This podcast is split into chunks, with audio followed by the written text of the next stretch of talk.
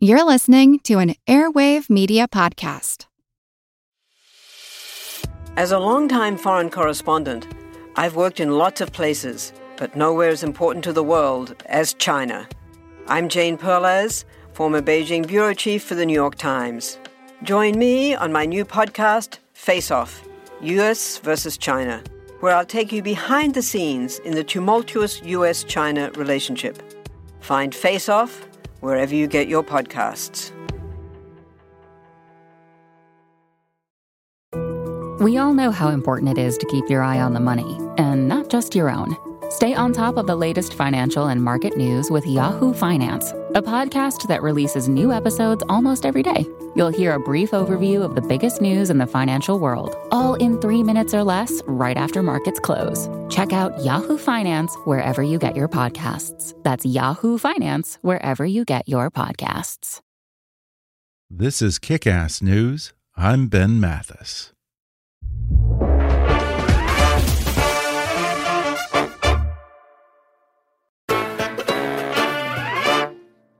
On October 8, 1977, worshippers streamed out of a Midwestern synagogue after Sabbath services, unaware that only a hundred yards away, an expert marksman and avowed racist, anti Semite, and member of the Ku Klux Klan patiently awaited his hunting rifle at the ready. The shooter, a white supremacist named Joseph Paul Franklin, was responsible for a three year reign of terror across the United States targeting African Americans, Jews, and interracial couples. Franklin was stealthy and frequently changed locations, allowing him to evade capture. And even when the authorities did catch up to him in Utah, he somehow managed to escape custody in the middle of a police interrogation. That's when the FBI brought in John Douglas, a pioneer in the field of criminal psychology and the founder of the Bureau's criminal profiling program, to help hunt this cold blooded murderer. Now, Douglas and his co author, Mark Olshaker, write about it in a new book titled The Killer's Shadow The FBI's Hunt for a White Supremacist Serial Killer. And today, I welcome this legendary criminal profiler to the show to talk about some of the 5,000 cases with which he's been involved and his chilling face to face encounters with the worst monsters in recent history, from Edmund Kemper to Ted Bundy. He reveals why he first began interviewing serial killers on his own without the FBI's knowledge, how he would prepare for these deeply disturbing meetings, and how he and his colleagues found commonalities that would help the FBI catch the most horrific murderers of our time. Then he shares how his first attempt at profiling a wanted fugitive was instrumental to the capture of the white supremacist serial killer Joseph Paul Franklin, and how the Franklin case marked a significant turning point in his own career. He discusses what Joseph Paul Franklin had in common with Charles Manson, why he shot and paralyzed Hustler founder Larry Flynt, and why Douglas fears that social media has become a fertile breeding ground for killers just like him. Plus, John talks about the one murderer that continues to haunt him today and offers a psychological profile of the most famous serial killer of all, Jack the Ripper. Coming up with John Douglas in just a moment.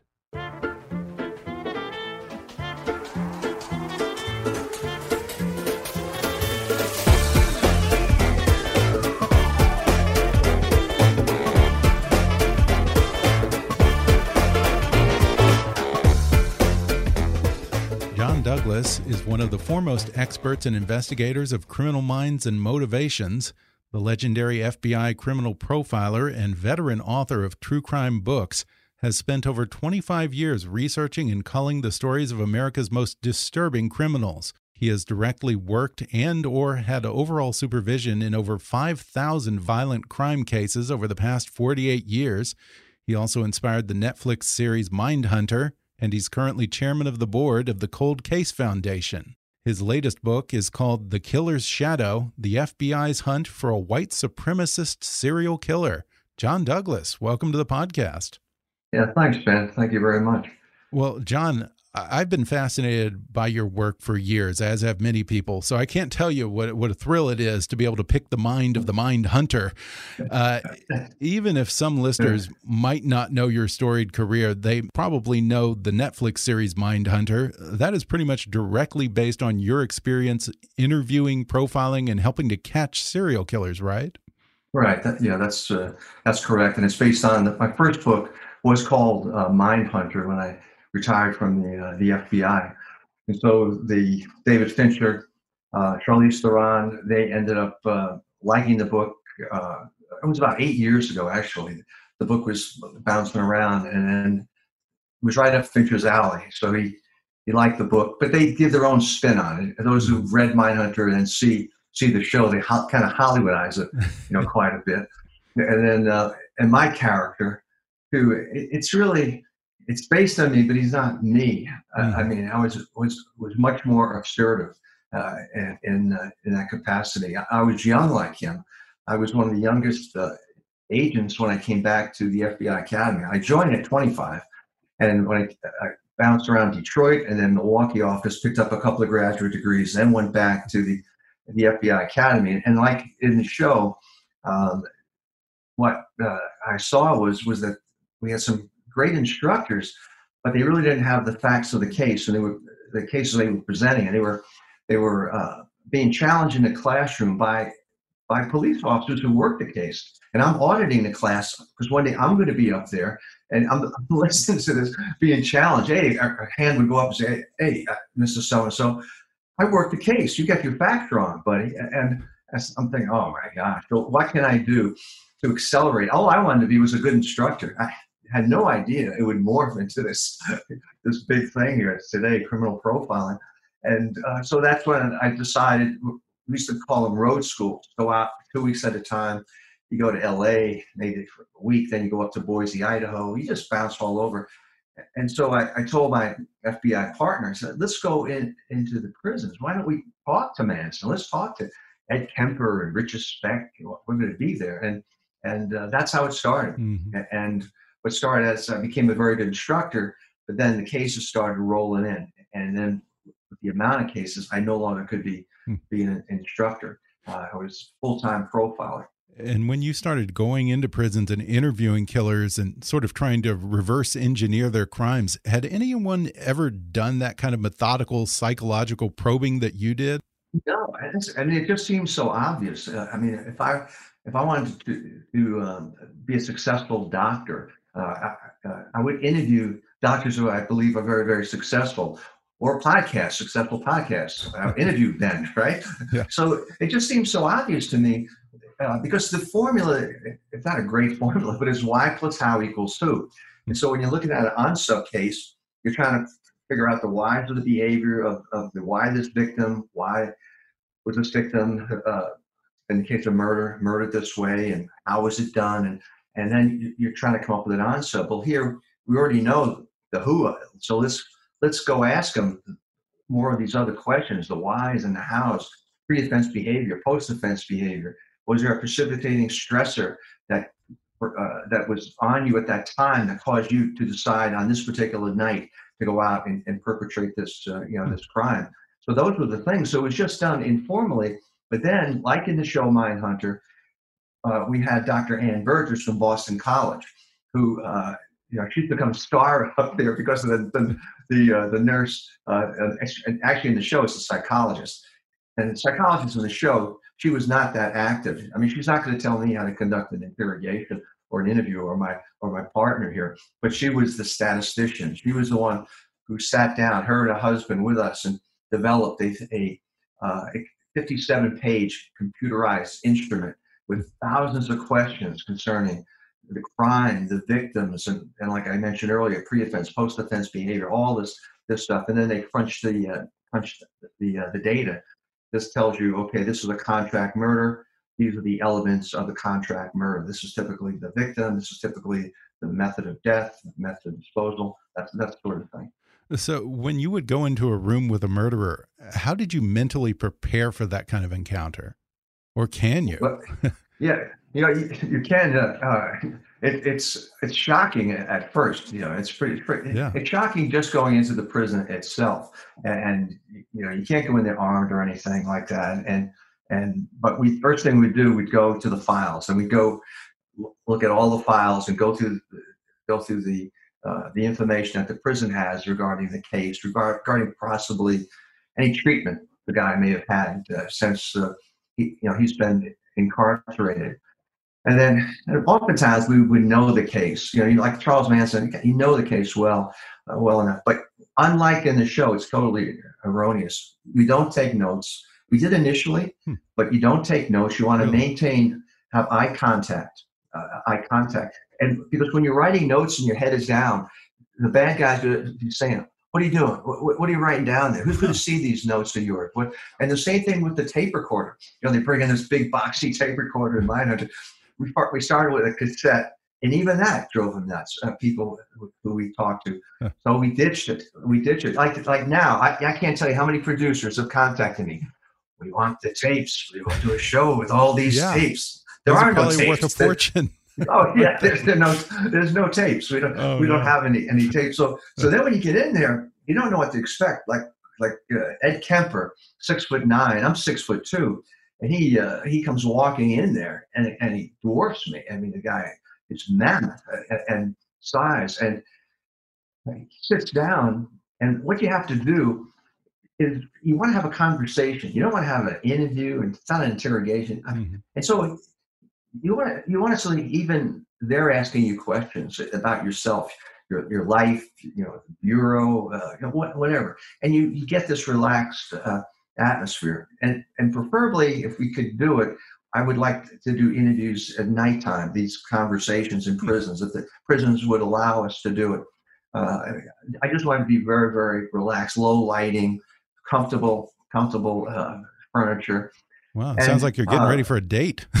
yeah, that's right. Yeah, you do. Even you're thinking about the clothing. Yeah, the clothing. Because some you want to get dressed up with in the FBI zoot suit, and then other times you just want to you just want to be casual, just a casual attire. You and, and another reason you want to be casual uh, because the bad guys, if they see you coming in looking like a, an FBI agent, mm-hmm. you know, it, it surprised me some of the prisons how loose it is the inmates are walking around. Here you are walking around some of these violent offenders. Yeah. So if anything, some of these uh, some of these prisoners, you want them to think you're uh, you're an attorney, but you're a defense attorney. If you're a defense mm-hmm. attorney, they love you. If you're you're a prosecutor, if you're an FBI agent, you know you're dead. So you mentioned Ed Kemper a moment ago, and I think he was the first or one of your first meetings with a serial killer. Uh, let's use him as an example. How did you engineer the environment and the conversation so that he would want to open up to you?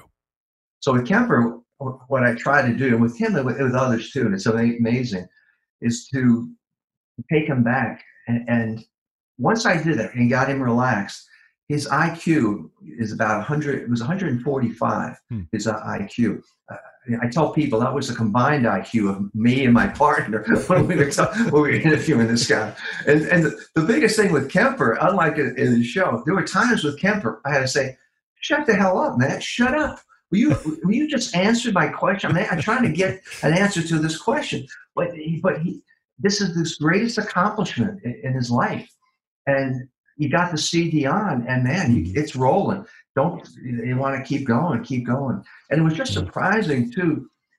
Just uh, uh, no emotion, no emotion uh, regarding the killing of his mother, uh, the killing of the college college poet we killed, the killing of his grandparents.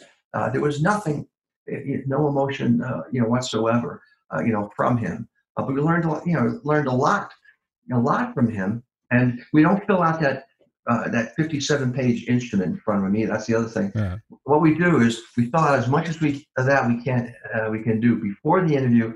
and after the, the interview, we go to the motel, get a bottle of booze, and we and we they, we drink and we go through and we go through everything and and and recall of his mm-hmm. his response to questions, the information.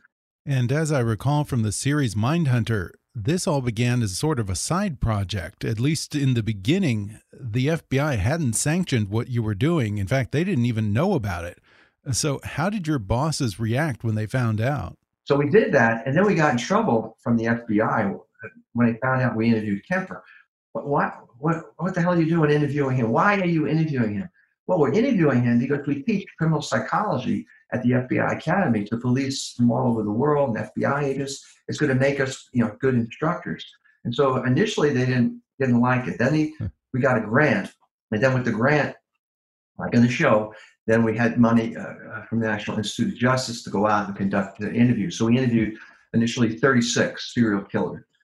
Wow. Our definition, the Bureau changed it today. Our definition was three or more victims over a period of time with a cooling off period in between each case. Uh, a mass murder would be three or more people at one time, at one time, and, and it could be more than one event. The person kill two people here, go to another location, kill a couple of more, but it's a total, uh, you know, uh, three to four people, and it's a mass murder. And what are the commonalities in most serial killers? There are commonalities, but some of the characteristics they have, uh, other people have the characteristics and they won't turn out to be a killer. Like you'll mm-hmm. Uh, the, the, big thing is you, almost by exception, you have this uh, dysfunctional uh, family.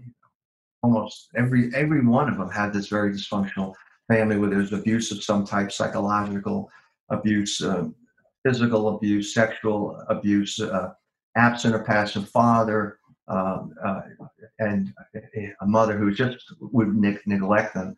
And uh, generally, most of them are average to even some above average, like Kemper, you know, in intelligence.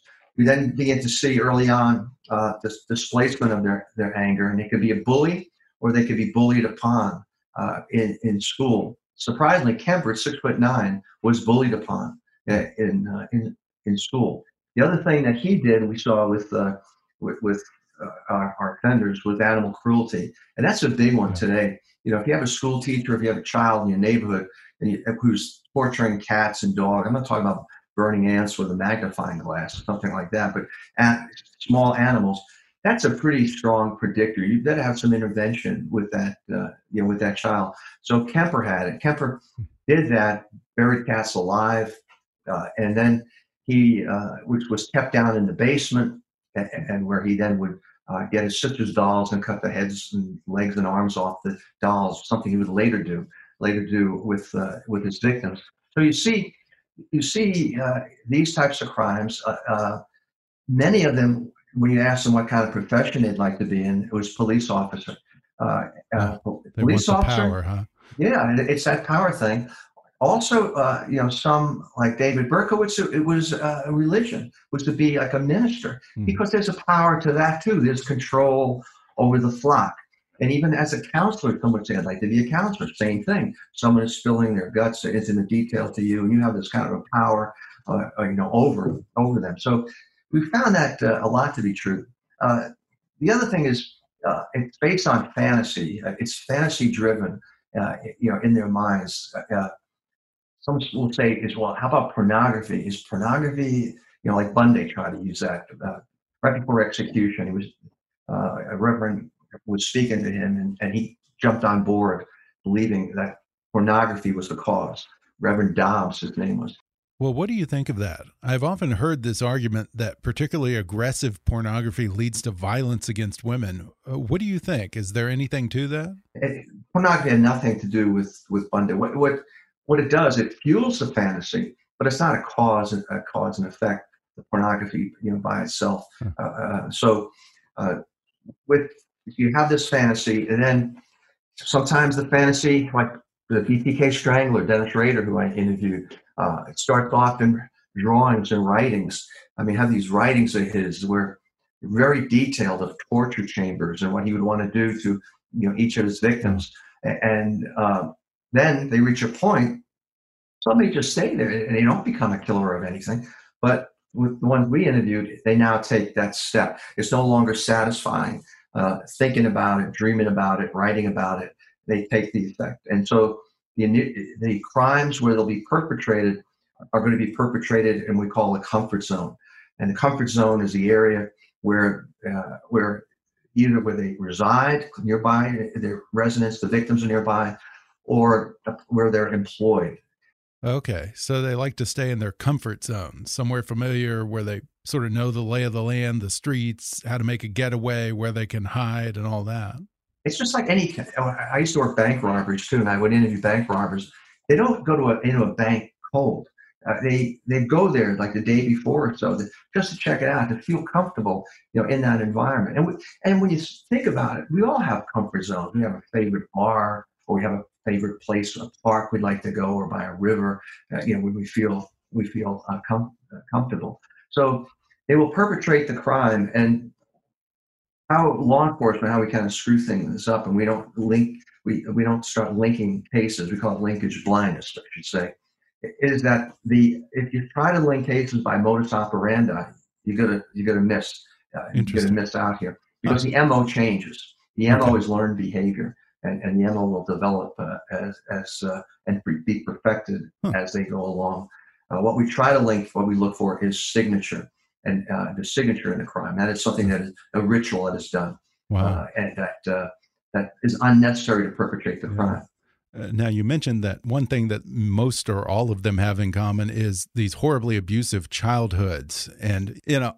I have no idea how I would react if I had been traumatized to the degree that some of these people had been. You know, I like to think that I would never kill someone, but I don't know that if I had been abused for years and years and was so broken as a person that I might not snap and take it out on others. I, I honestly don't know that. You know, Ben, what could happen though, Ben? You you may not. Yeah, you may not. But you may you could possibly internalize it. You mm-hmm. see, and, and, women are more prone to that. Women are not this predatory type of offenders. Internalize it and they beat themselves up. And, and you have a male the same way. They'll turn to drugs, turn to alcohol, turn the ultimate death is to commit mm-hmm. suicide. So they, they, they beat them beat themselves up that way. They'll have psych you know psychological issues you know as well. Uh, hmm. but again, the people the, the people I, I talked to over the years have psychological uh, issues. The answer is yes. Do, do, they know the nature and consequences of their actions? Do, do they know right from wrong? Yes, to both of those. They knew right from wrong, uh, and uh, they committed uh, insane acts. When you look at it, you say, "My God, this is barbaric." So you always will find that kind of defense, you know, you know from uh, you know when a, rep- a defense attorney represents someone like that. But what you have to show when you're coaching, say, the prosecution, is, is just to show uh, the thought that went into it, the pre-offense behavior, the post-offense behavior. Did he develop an alibi? You know, did he did he uh, clean up the crime scene or attempt to clean up the crime scene? You know, those kind of things. Mm-hmm. So yeah, so you show that there was planning and intent behind it. Interesting. Yeah, that's that's yeah. right. Uh, I do that. I did that a lot with uh, uh, with, with, attorneys because the attorneys don't really they don't teach that necessarily in in uh, law school. They'll go through mm. moot court and things, but, as far as behavior, uh, I wish there's a season three uh, and they follow up on the Atlanta child killings because I I coached the prosecution in real life, knowing that Williams would take the stand. Mm-hmm. That I, I, then took uh, took one of the attorneys, Jack Mallard, was kind of a good old Southern boy, and mm. and uh, gave him ideas on how to how to uh, break down Williams on the stand. And uh, and we did that, and it worked. And he went crazy on the stand. He got up and and and the jurors are looking at him, and he's pointing his finger at me. I know you got that FBI profile over there, and you're trying to get me to fit it, but it doesn't fit me. Oh, really? it fits you perfectly. You know, sit down. It fits you. You know, the jurors are watching with their mouths gaping, gaping open, and holy mackerel, this guy. He looked like the Pillsbury Doughboy you know, for the last several weeks. But now look at him, man, it's crazy. Wow. Uh, have you ever encountered someone where you couldn't find some kind of underlying issue and you just thought to yourself, gosh, this guy was just born evil? Yeah, no, let me think you. No, you, every one of them, I mean, has mm -hmm. something, you know, something, uh, you know, in the background. You have to you have to find it. You have to dig. I, I just I'm thinking right now. I just don't see. But the violent predatory types, it's a certain you know breed of cat uh, that'll perpetrate uh, you know those crimes. And and but I really haven't. I, I haven't really. Huh. Uh, have you ever encountered a serial killer who seemed to express genuine remorse for their crimes? And did uh, you believe them? That's a, that's a good one. That's a, let me let me see. Uh, Joseph Paul Franklin, who I wrote this present uh, current book about, certainly you know did not. Uh, Kemper did not. You know, Manson, of course, he said he didn't kill anybody, and was, he, he, never was proven to kill anybody. Mm-hmm. But of some of the, uh, the only time one, and I knew, but he was he was pulling the wool over my eyes. Really, I was with a woman agent. Uh, uh with, uh, name was Mary Ellen O'Toole, and we were interviewing a guy named Bittaker. uh, Bittaker. His nickname in prison was Pliers Bittaker, and and uh, him and another guy named Norris were convicted rapists. And while in prison, they uh, they got would get together. When he got out, uh, eventually they, they they were going to kill a teenager for every year of a teenager's life, mm-hmm. and, and, starting 13, go right to uh, 19 uh, years of age. And they got out of prison, and they're in the LA area, and they get a van, and they they called they called it a murder mac, and they insulated the interior of the van. So once they got the victim in there, no one could hear any of the screams. Uh, and uh, so, um, and they call them pliers Bittaker because they used pliers and they used hammers. And he and what made it upsetting wow. uh, to me, and I got to interview this this guy, but uh, was that the audio taped it, and and I have the audio tapes of, of this. As a matter of fact, when Scott Glenn in Silence of the Lambs portrayed me and portrayed my character, you know, I, I was working, and we were we, our, our offices were like the show, 60 feet underground we would tell everyone we were 10 times deeper than dead people 60 feet under underground. And so and so when they saw how depressing our space was uh, down you know down there but and and and you want to walk in my shoes? Uh, scott you want you want y'all want to learn everything? And trying to play this uh, play play this part. I made him listen to it. And here's a guy he was living in idaho and, and very very liberal anti you know death penalty and when he heard this, he welled up with tears. He welled up with tears. He said, and I only played a few seconds of it. You can't take it, man. It's disgusting.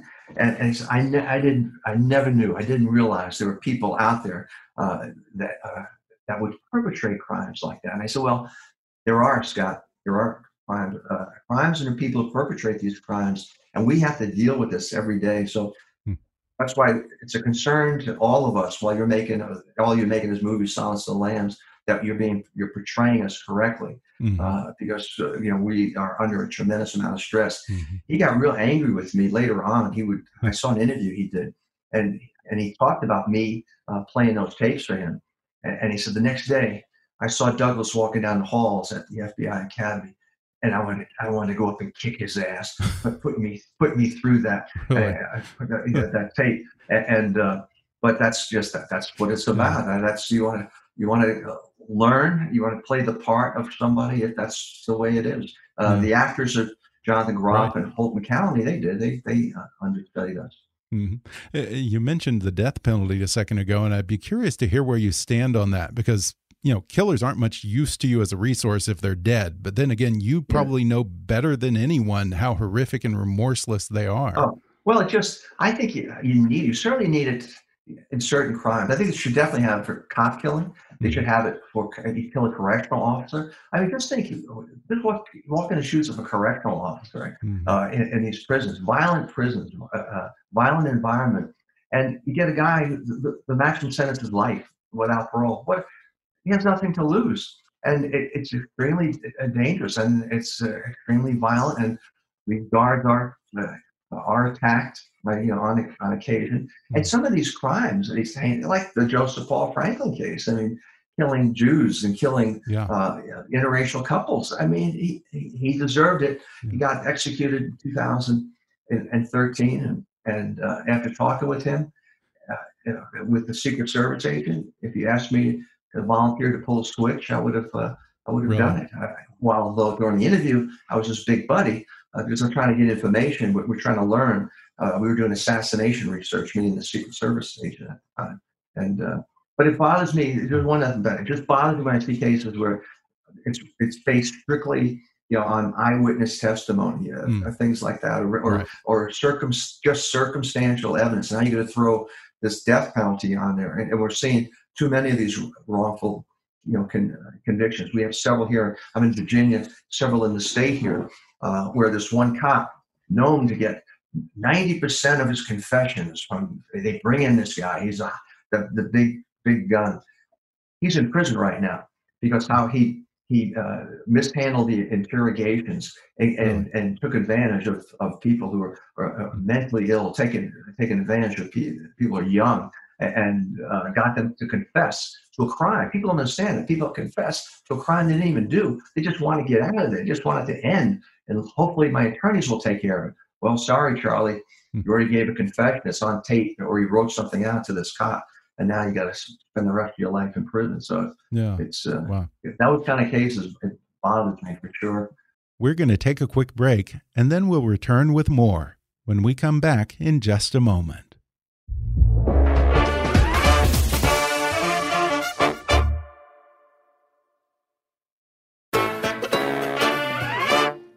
Let's talk about your latest book, The Killer's Shadow. As you already mentioned, it's the account of the killing spree and the subsequent hunt for the white supremacist serial killer who you think was probably behind at least 20 murders. Tell us about him. Joseph Paul Franklin was raised in Mobile, Alabama.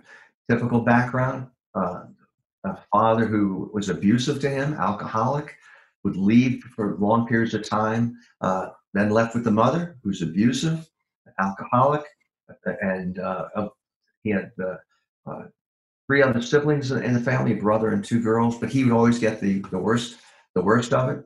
Uh, what's interesting about him is that uh, at a very early age, he was playing with a shade, a, sh- a window shade, and with his brother, and there was a spring inside the shade that popped out and struck him in the eye, his right eye.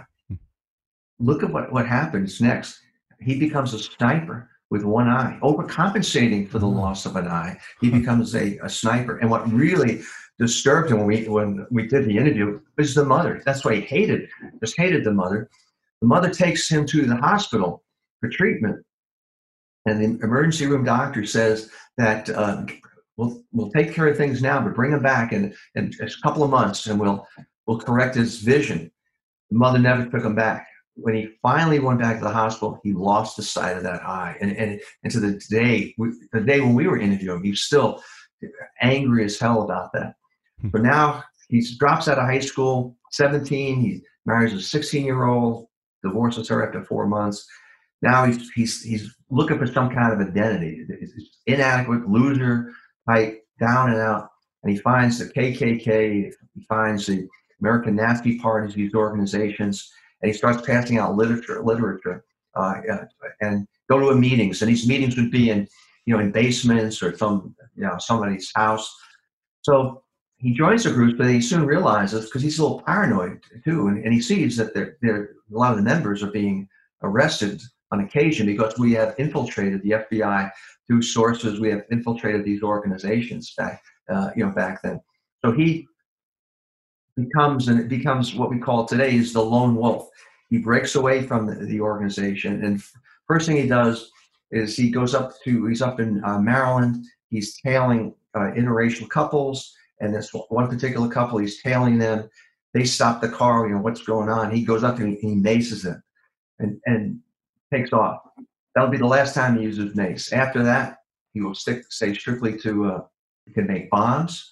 He was a prolific bank robber. He was an outstanding shot in, in, in, took pride in, his shooting ability.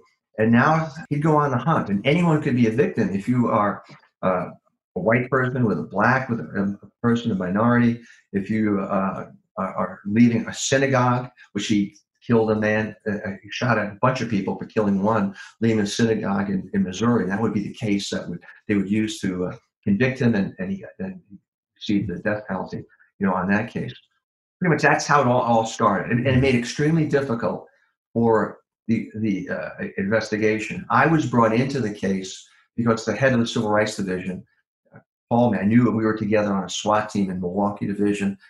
He knew I was doing this research, and he said, "John, you think you can help us out with this case? Uh, we know you're doing this other. You know, you think there'll be any similarities?" And, and so I, I said, "I don't know." I said, "Let me go up to headquarters, get the material, take it back down to Quantico, and go through everything."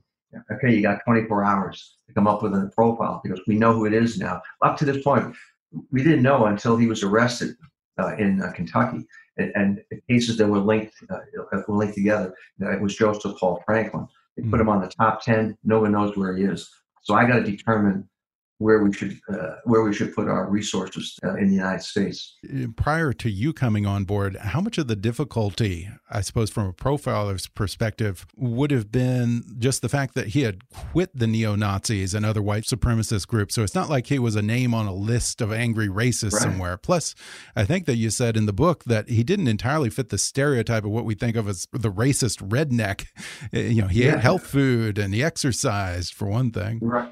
No, you're exactly right. And if those cases were given to me, those 20 cases, I, I don't, I, I wouldn't be able to, to say they were all linked linked together. Mm-hmm. Yeah, we have the victims. There's similarity similarity in victims, but where they're they're spread all over the all over the country. And uh, this guy, he's traveling all over. He changes weapons, even ballistically. It's not always going to be the same weapon, and he and he shaves off the uh, the ID. Even leaves the weapon at the scene of many of the crimes.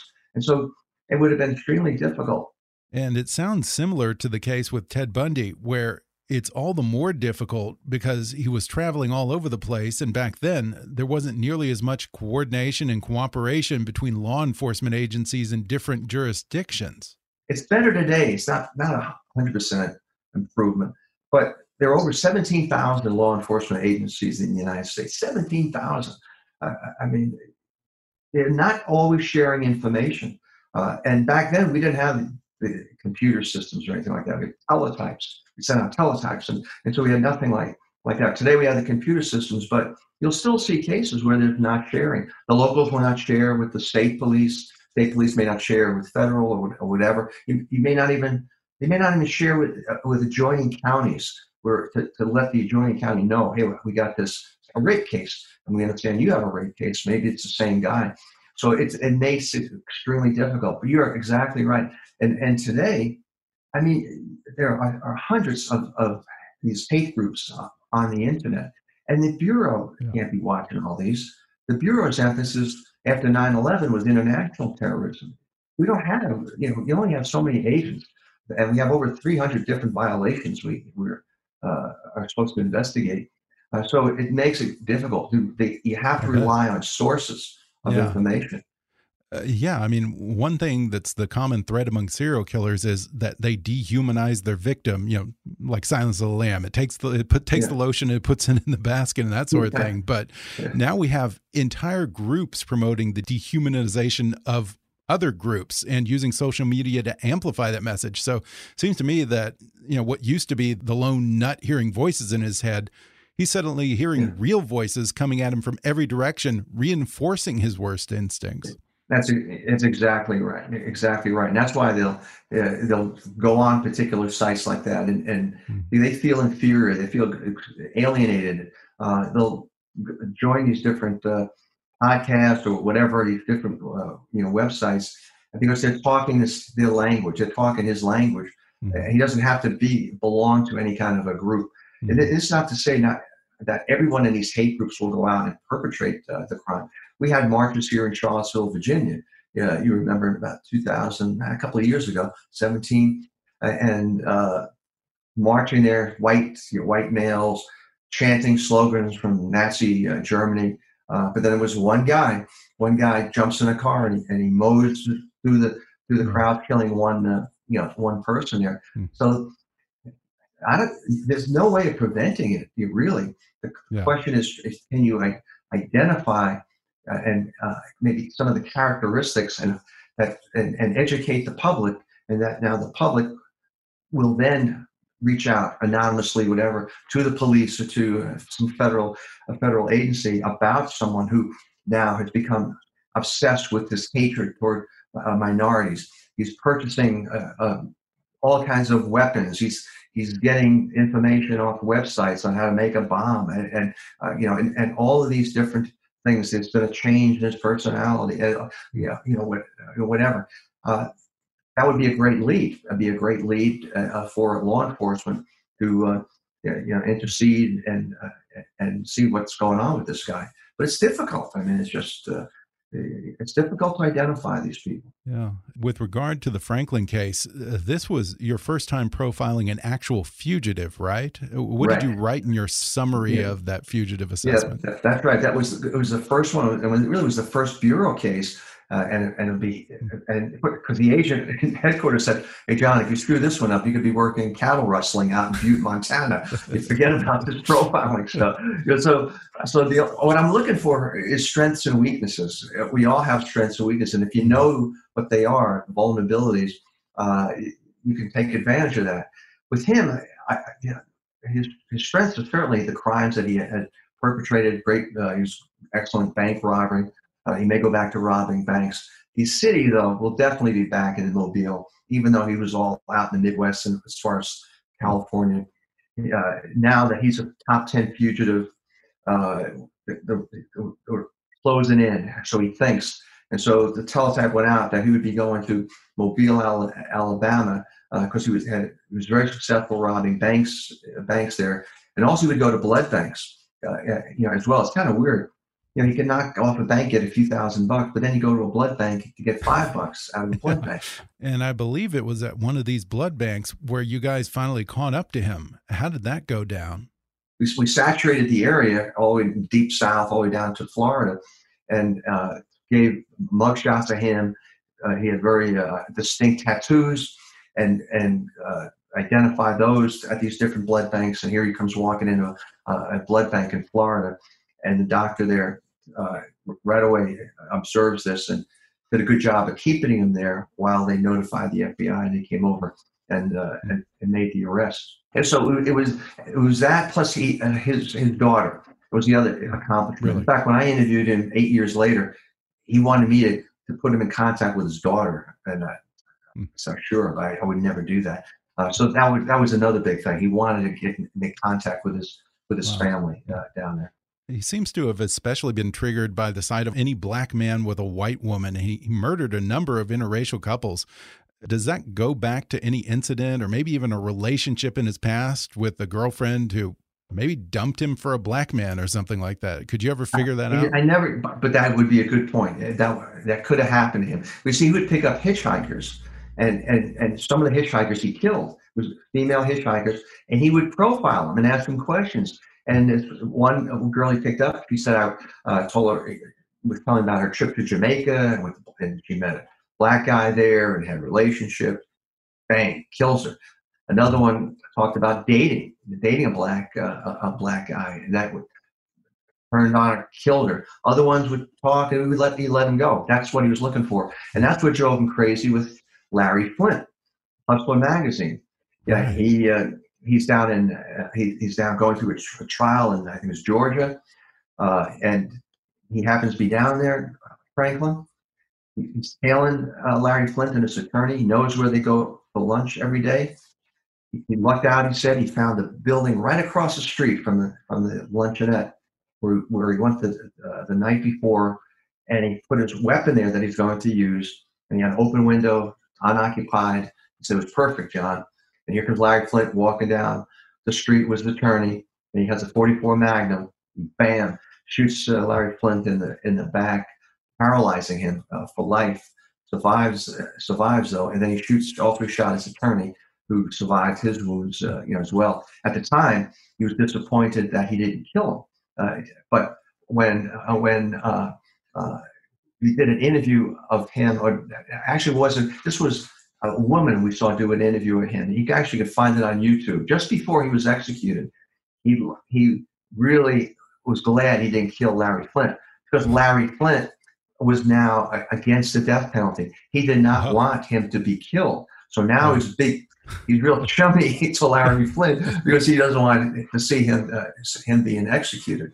So uh, that was interesting. And then he also shot Vernon Jordan. Uh, right civil I mean, he confessed leader. to those crimes, but he was never convicted that I'm aware of. That's right. So, yeah, but you believe him. you don't think he was just showing off or something. no, no, he, no, he did. And ballistics, okay. they, they, were able to and put in there and everything. But no, they hmm. they had enough. They, they, the one death penalty is all you needed. They didn't want to spend money. What they do is they find where they have the best case, the best case, and the strongest penalty, and that was the strongest penalty.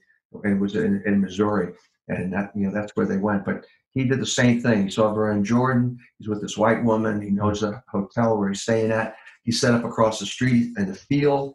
Um, he had a fence there. He let, had a weapon. He left the weapon again, and then would go back, and then he, he waited.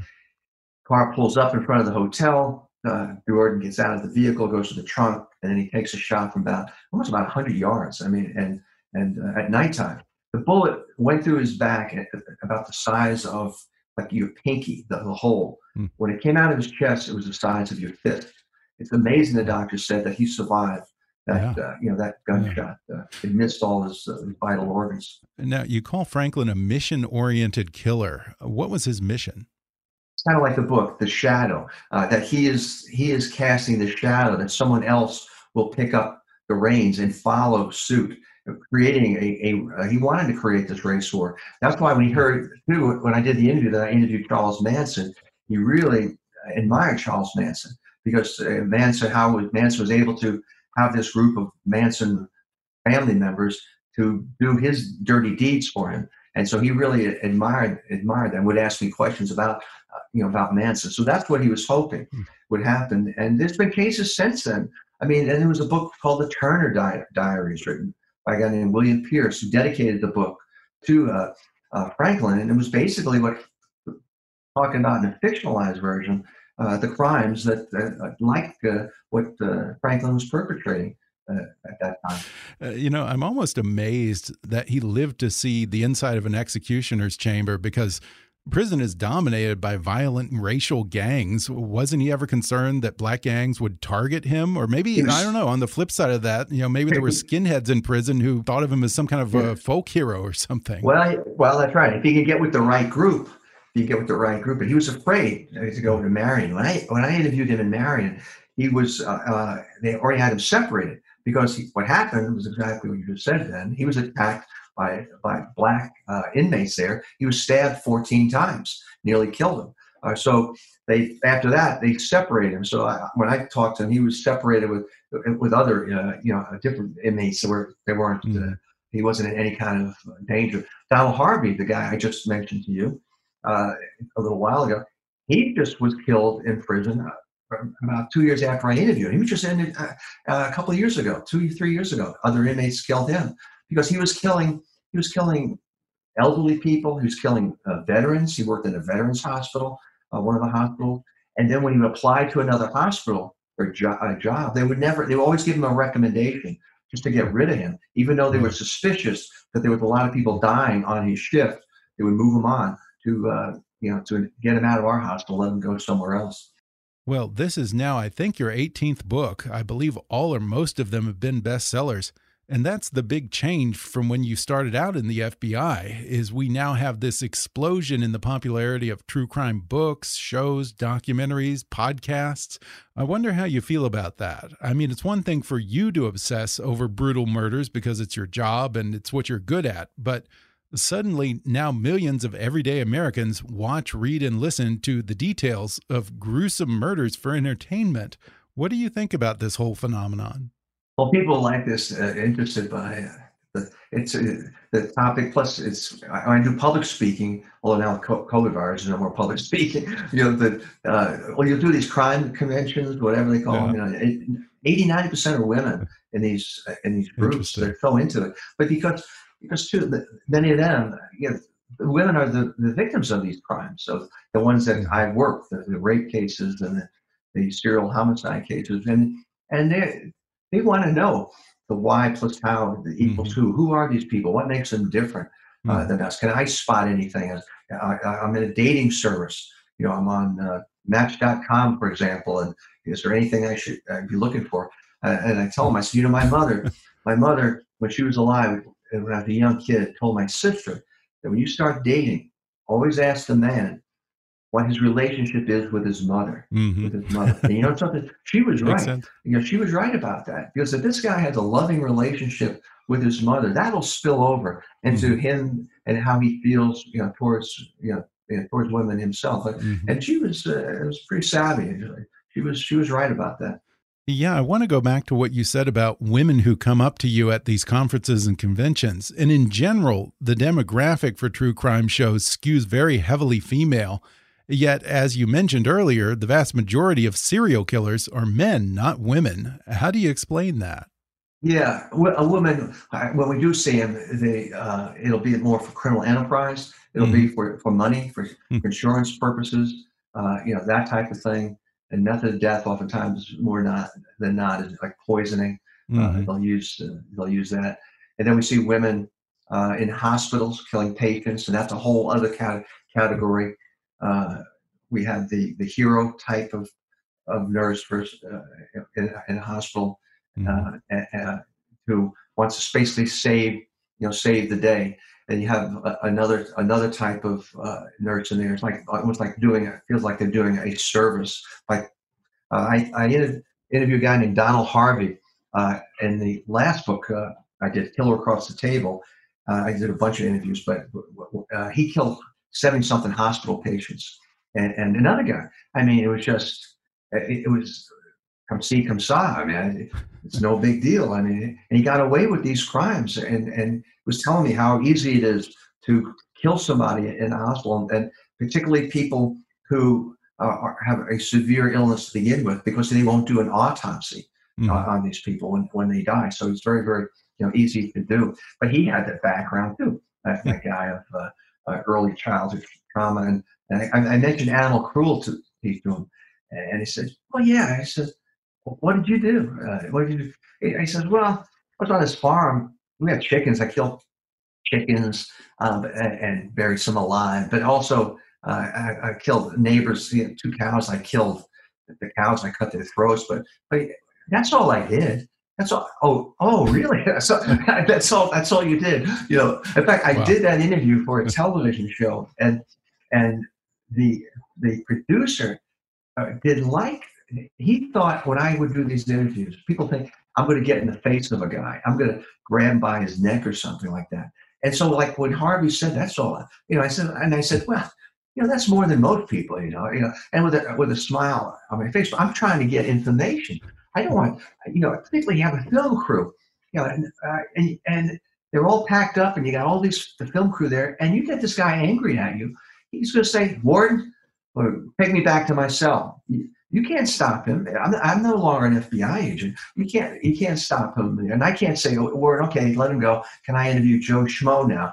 Uh. Well, you have to get permission. You have he has to want you uh, you to talk to him. You know, you got to go through all those those hurdles. It makes it, Yeah. it makes it difficult. Well, as we wind down here, uh, of all the serial killers that you've sat across the table from, is there one in particular who haunts you the most? It would well, Franklin would Franklin uh, as a racist serial killer.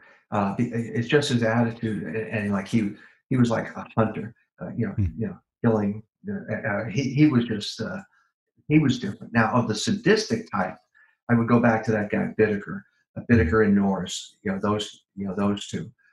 The ones that really puzzled me, and his, he was arrested after I retired from the, the bureau was the Green River murder case in Seattle, and that that haunted me for a long. It, it haunted me because I nearly died on the case. Uh, on, those who read uh, Mine Mindhunter, they would see that I I was getting I was so burned out in 1983. Uh, this case, all kinds of cases were coming in. The Tylenol case, the Unabomber uh, case, the Atlanta child killings, Buffalo's 22 caliber killer, Robert Hansen up in Alaska, uh, abducting women, uh, flying them up into the wilderness in, in an aircraft, landing in a, in a, a, uh, frozen lake, and then he would release the women and hunt them down like wild animals and, and Wow. kill them, kill, kill about 14 and 15 women that way. Uh, that, and by the time I got to uh, got, up to the, the Green River murder case, I was just so burned out, I had tremendous headaches in in my right temporal lobe. I said goodbye to my wife two times that day, and she she knew something was, uh, was wrong, you know, with me. And I go out there, headache. Uh, I tell the agents after I went before the task force, okay, tomorrow, it's tomorrow's uh, Wednesday. I'll see you Friday. This is what you should do with the task force for the next couple of days. That night, I collapsed on my hotel room floor. I a not disturb sign on my door. Uh, no one disturbed me. Three days I was on that floor. When they kicked down the door on Friday, they got no response. Uh, uh, when they were trying to call me and knocking on my door, they found me on the floor. I, I was in a coma. Uh, my body was, was in a, uh, a frog-like position. Uh, when EMTs got there, my body temperature ranged from 104 to 107. My right temporal lobe had split, uh, uh, cracked in my right side of my brain, causing paralysis. I was in a coma for a, a week, came out of uh, the coma paralyzed on the, couldn't talk or anything.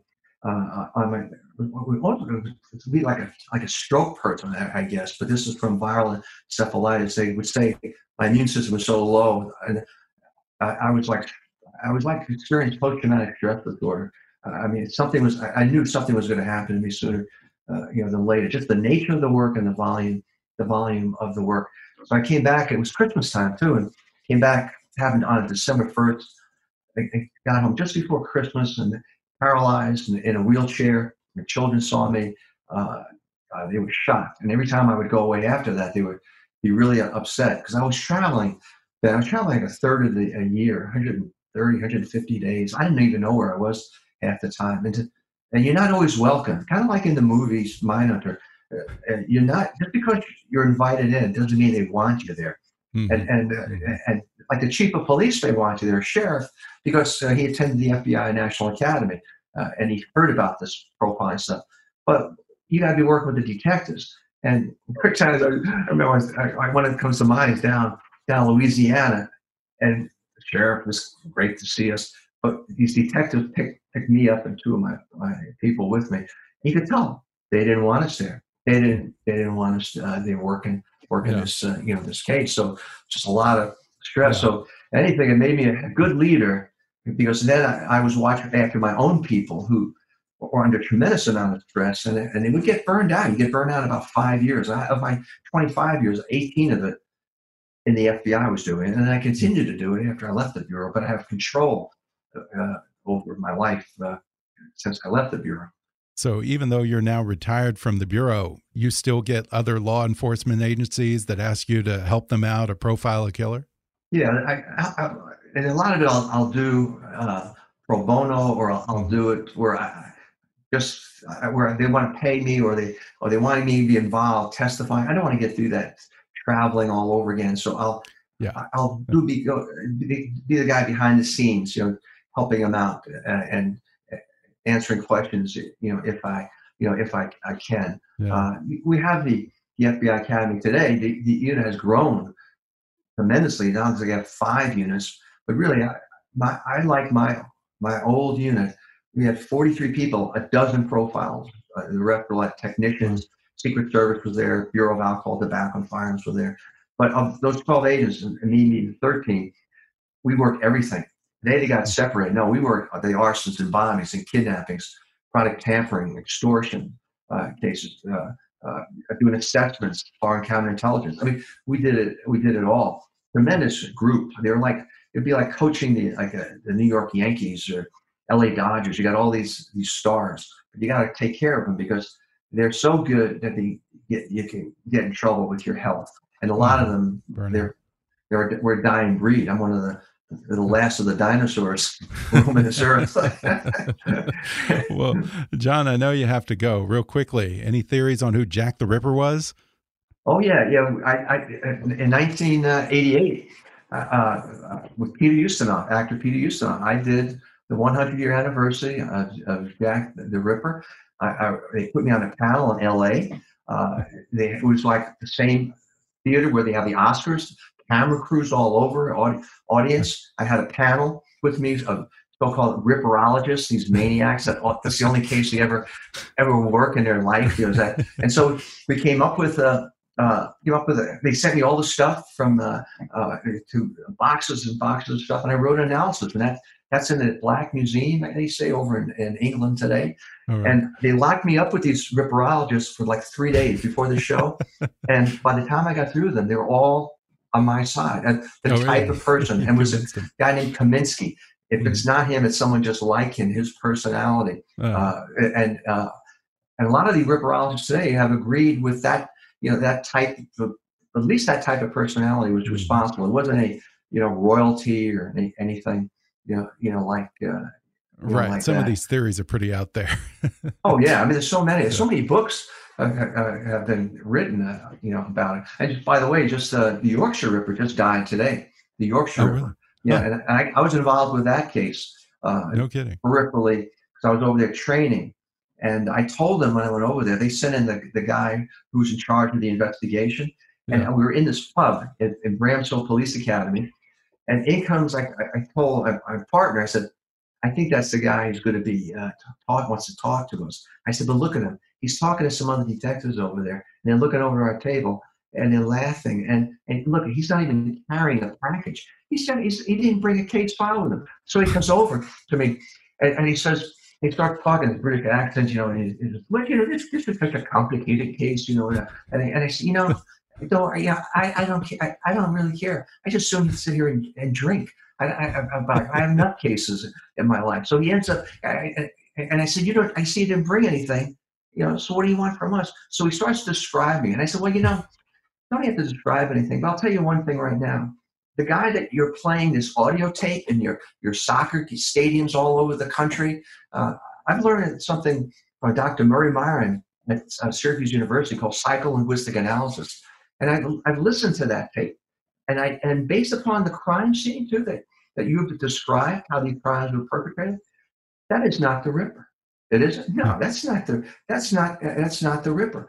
And today's if you if you if you Google the Yorkshire Ripper case, you'll find this that that how they were ignoring evidence uh, uh, that were uh, when they could have got they could have got Peter Sutcliffe, the Yorkshire Ripper, sooner than they did.